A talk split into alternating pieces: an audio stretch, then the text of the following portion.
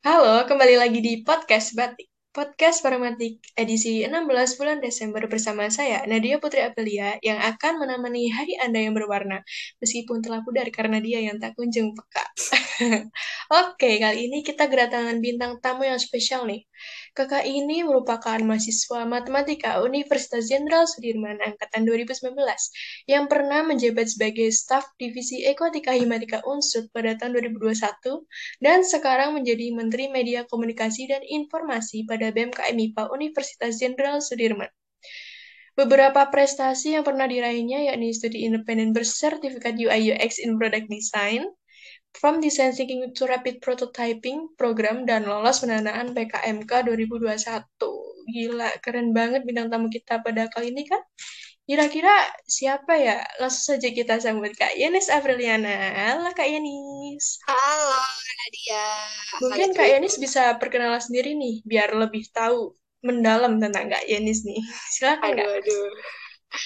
Halo teman-teman semua, kenalin aku Yeni Sapriana. Seperti yang udah disebutkan tadi ya, aku mahasiswa di FMIPA. Eh, sekarang udah angkatan akhir ya. Udah udah semester semester tua nih.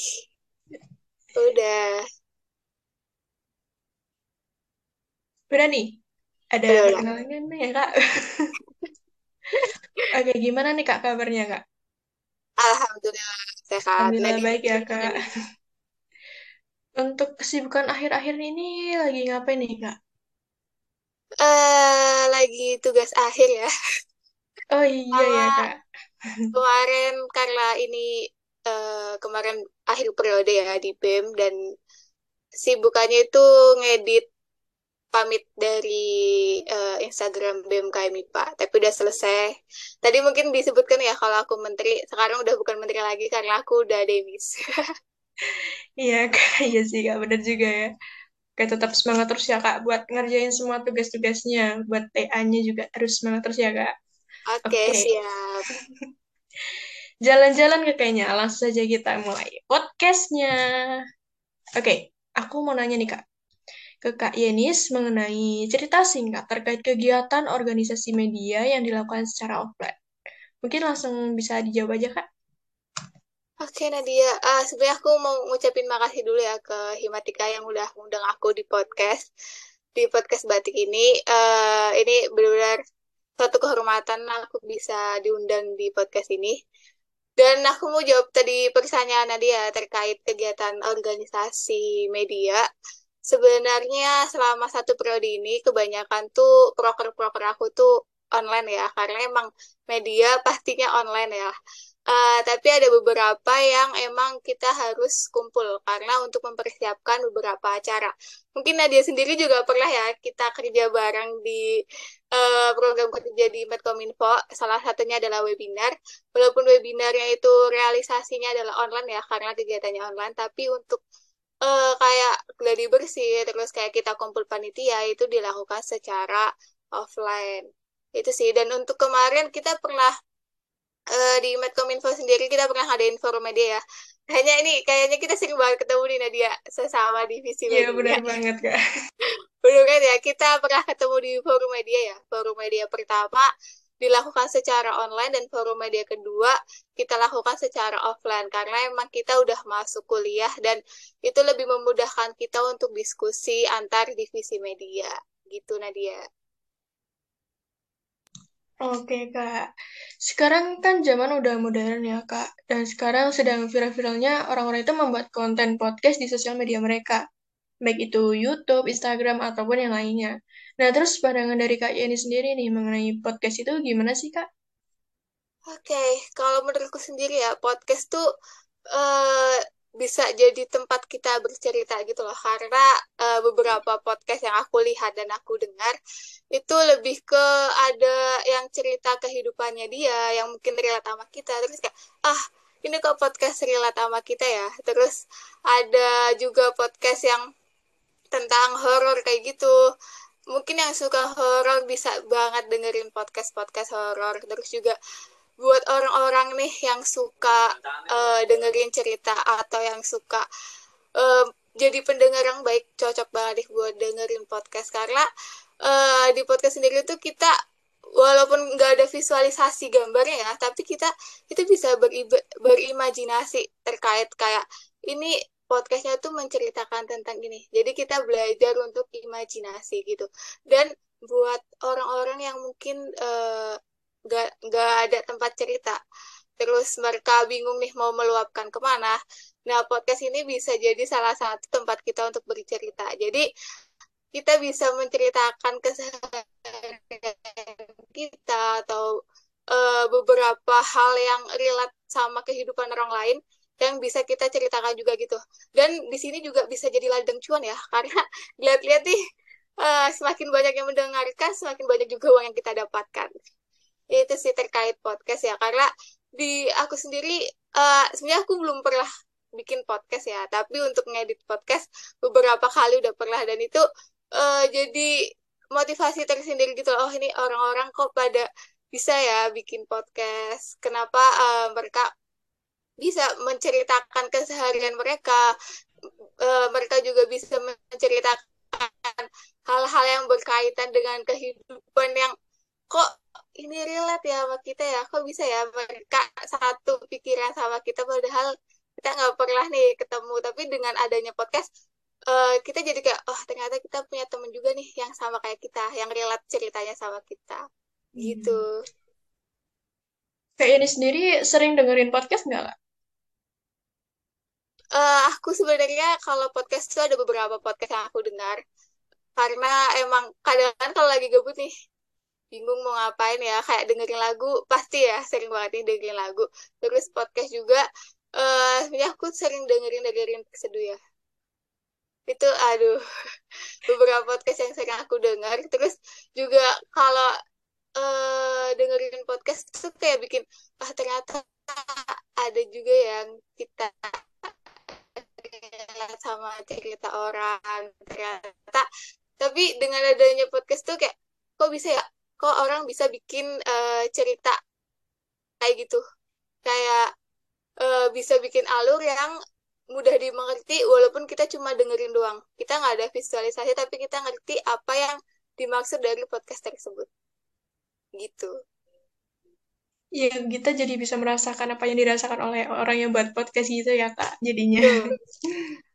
Oke. Nggak terasa ya, Kak, kuliah kita itu udah mulai offline satu semester ini sejak menurunnya kasus pandemi. Jadi kita dapat bertemu dan bertatap muka secara langsung.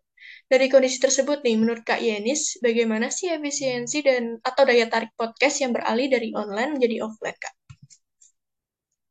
Oke, sebelumnya aku mau tanya dulu nih, uh, maksudnya peralihan dari online ke offline-nya tuh dalam hal pengambilan videonya atau kita melakukan podcast secara offline di depan audiensnya langsung?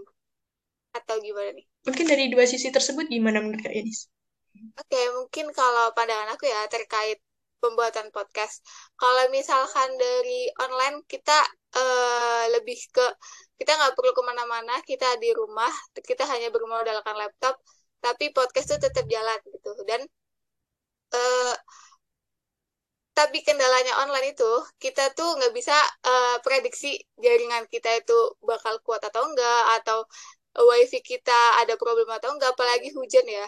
Dan itu yang menghambat kegiatan podcast uh, online. Dan itu yang bikin kayak komunikasi antar host dan narasumber ini misal kayak kita nih komunikasinya itu jadi kurang nyambung karena kendala jaringan itu. Dan uh, kita juga nggak bisa membantu satu sama lain karena jarak yang jauh ya tapi kalau misalkan podcast offline kita uh, perlu memikirkan beberapa hal yang perlu disiapkan kayak misal tempat kita harus nyari tempat yang nggak berisik nyari tempat yang kedap suara terus kita juga harus menyiapkan beberapa peralatan kayak kamera juga, terus kayak mikrofonnya.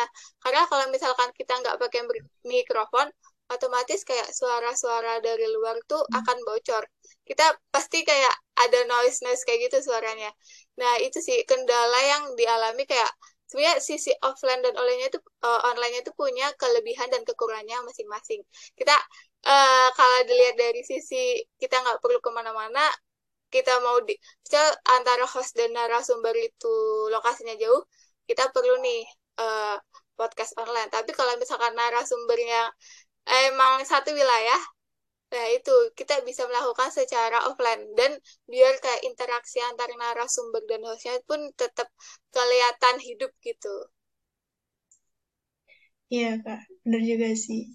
Aku jadi tahu nih mengenai daya tarik sendiri antara podcast online sama offline ya. Terus dari Kak Yani sendiri ada saran nggak sih buat podcast agar banyak viewersnya atau banyak penontonnya itu gimana ya, Kak? Oke, uh, kalau ini menurut aku ya, kalau misalkan podcast tuh uh, kita pasti akan lebih tertarik dari temanya dulu. Kayak uh, sebenarnya kita nggak bisa langsung oh tema ini cocok sama orang karena pendengar pun beda-beda ya minatnya ya.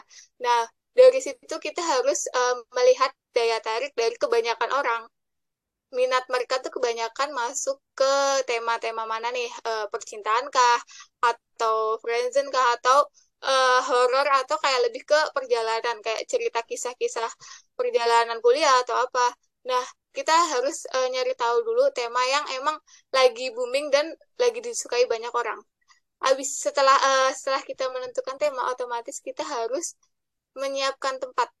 Uh, apalagi tadi kan ya peralihan ke online ke offline ya. Kalau misalkan kita offline pasti kita harus nyari tempat yang enjoy yang di mana itu kita sama-sama enak untuk berbicara dan gak banyak orang. Kayaknya kita emang perlu uh, studio untuk podcast deh. Iya benar banget kan. Banget ya. Belum ada ya.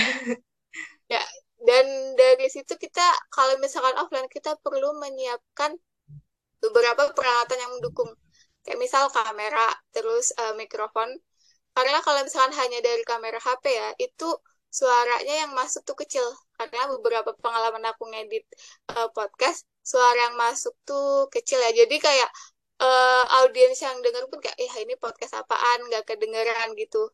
Dan ada kayak suara noise noise kayak gitu. Dan yang paling ini yang paling dibutuhkan agar uh, peminatnya itu banyak yang pastinya pas bagian editing itu ya, perlu bener. banget ya bagian editing dari uh, backsoundnya terus dari intro pembukaan dan apalagi kalau misalkan kita offline pasti kita ada videonya kan video yang di mana harus mengatur uh, mungkin kayak ada di filter filter atau ditambahin hal-hal yang lain yaitu mendukung banget untuk di podcastnya itu sih Iya benar banget kak. Jadi kalau offline tuh kita harus uh, pakai kamera yang disorot dari berbagai sisi gitu ya kak, biar nggak monoton gitu-gitu doang. Iya yes, benar banget. Soalnya kalau iya. dari depan doang kan kayak uh, nggak nggak kelihatan hidup ya.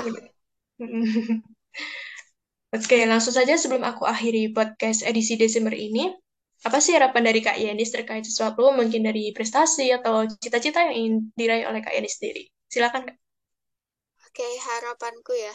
Mungkin uh, ini harapan untuk kita semua bisa lulus tepat waktu ya karena amin amin ya semester akhir ini aku sedang merasakan uh, fase tugas-tugas akhir ya yang menumpuk terus fase di mana kita ngerjain skripsi otomatis kita pengennya uh, lulus tepat waktu ya dan semoga yeah. di semester delapan nanti ya. Karena kita kan udah bukan semester tujuh ini kita udah selesai semester tujuh. Semoga semester delapan nanti adalah semester terakhir aku di FIPA ya. Amin ya Allah. amin semoga uh, bisa lulus tepat waktu dan semoga uh, teman-teman dari Himatika juga semakin uh, maju ya. Karena udah peralihan uh, sebentar lagi demis ya sebentar lagi Demis. Iya. Uh, pastinya akan ada hal-hal yang baru dan semoga hal-hal yang baru itu membawa dampak yang positif juga untuk kita semua. Amin. Semoga apa yang di yang apa harap yang diharapkan oleh Kak Yanis bisa terkabul ya Kak. Amin. Amin. Amin paling serius. Amin paling serius. Mungkin itulah podcast edisi 16 bulan Desember terkait podcast offline. Terima kasih pada Kak Yenis yang sudah mau berkenan hadir menjadi bintang tamu kita. Semoga apa yang disampaikan tadi dapat menambah ilmu dan bermanfaat bagi kita semua. Hmm, aku mau pantun nih, Kak. Boleh, boleh, boleh. Pantun mulu dah. Jalan-jalan bareng Anya. Jalannya pakai sepeda. Sampai jumpa di podcast selanjutnya yang tentunya unik dan berbeda. Sampai jumpa teman-teman. Jangan lupa like, comment, dan subscribe ya. Bye. Terima kasih banyak ya.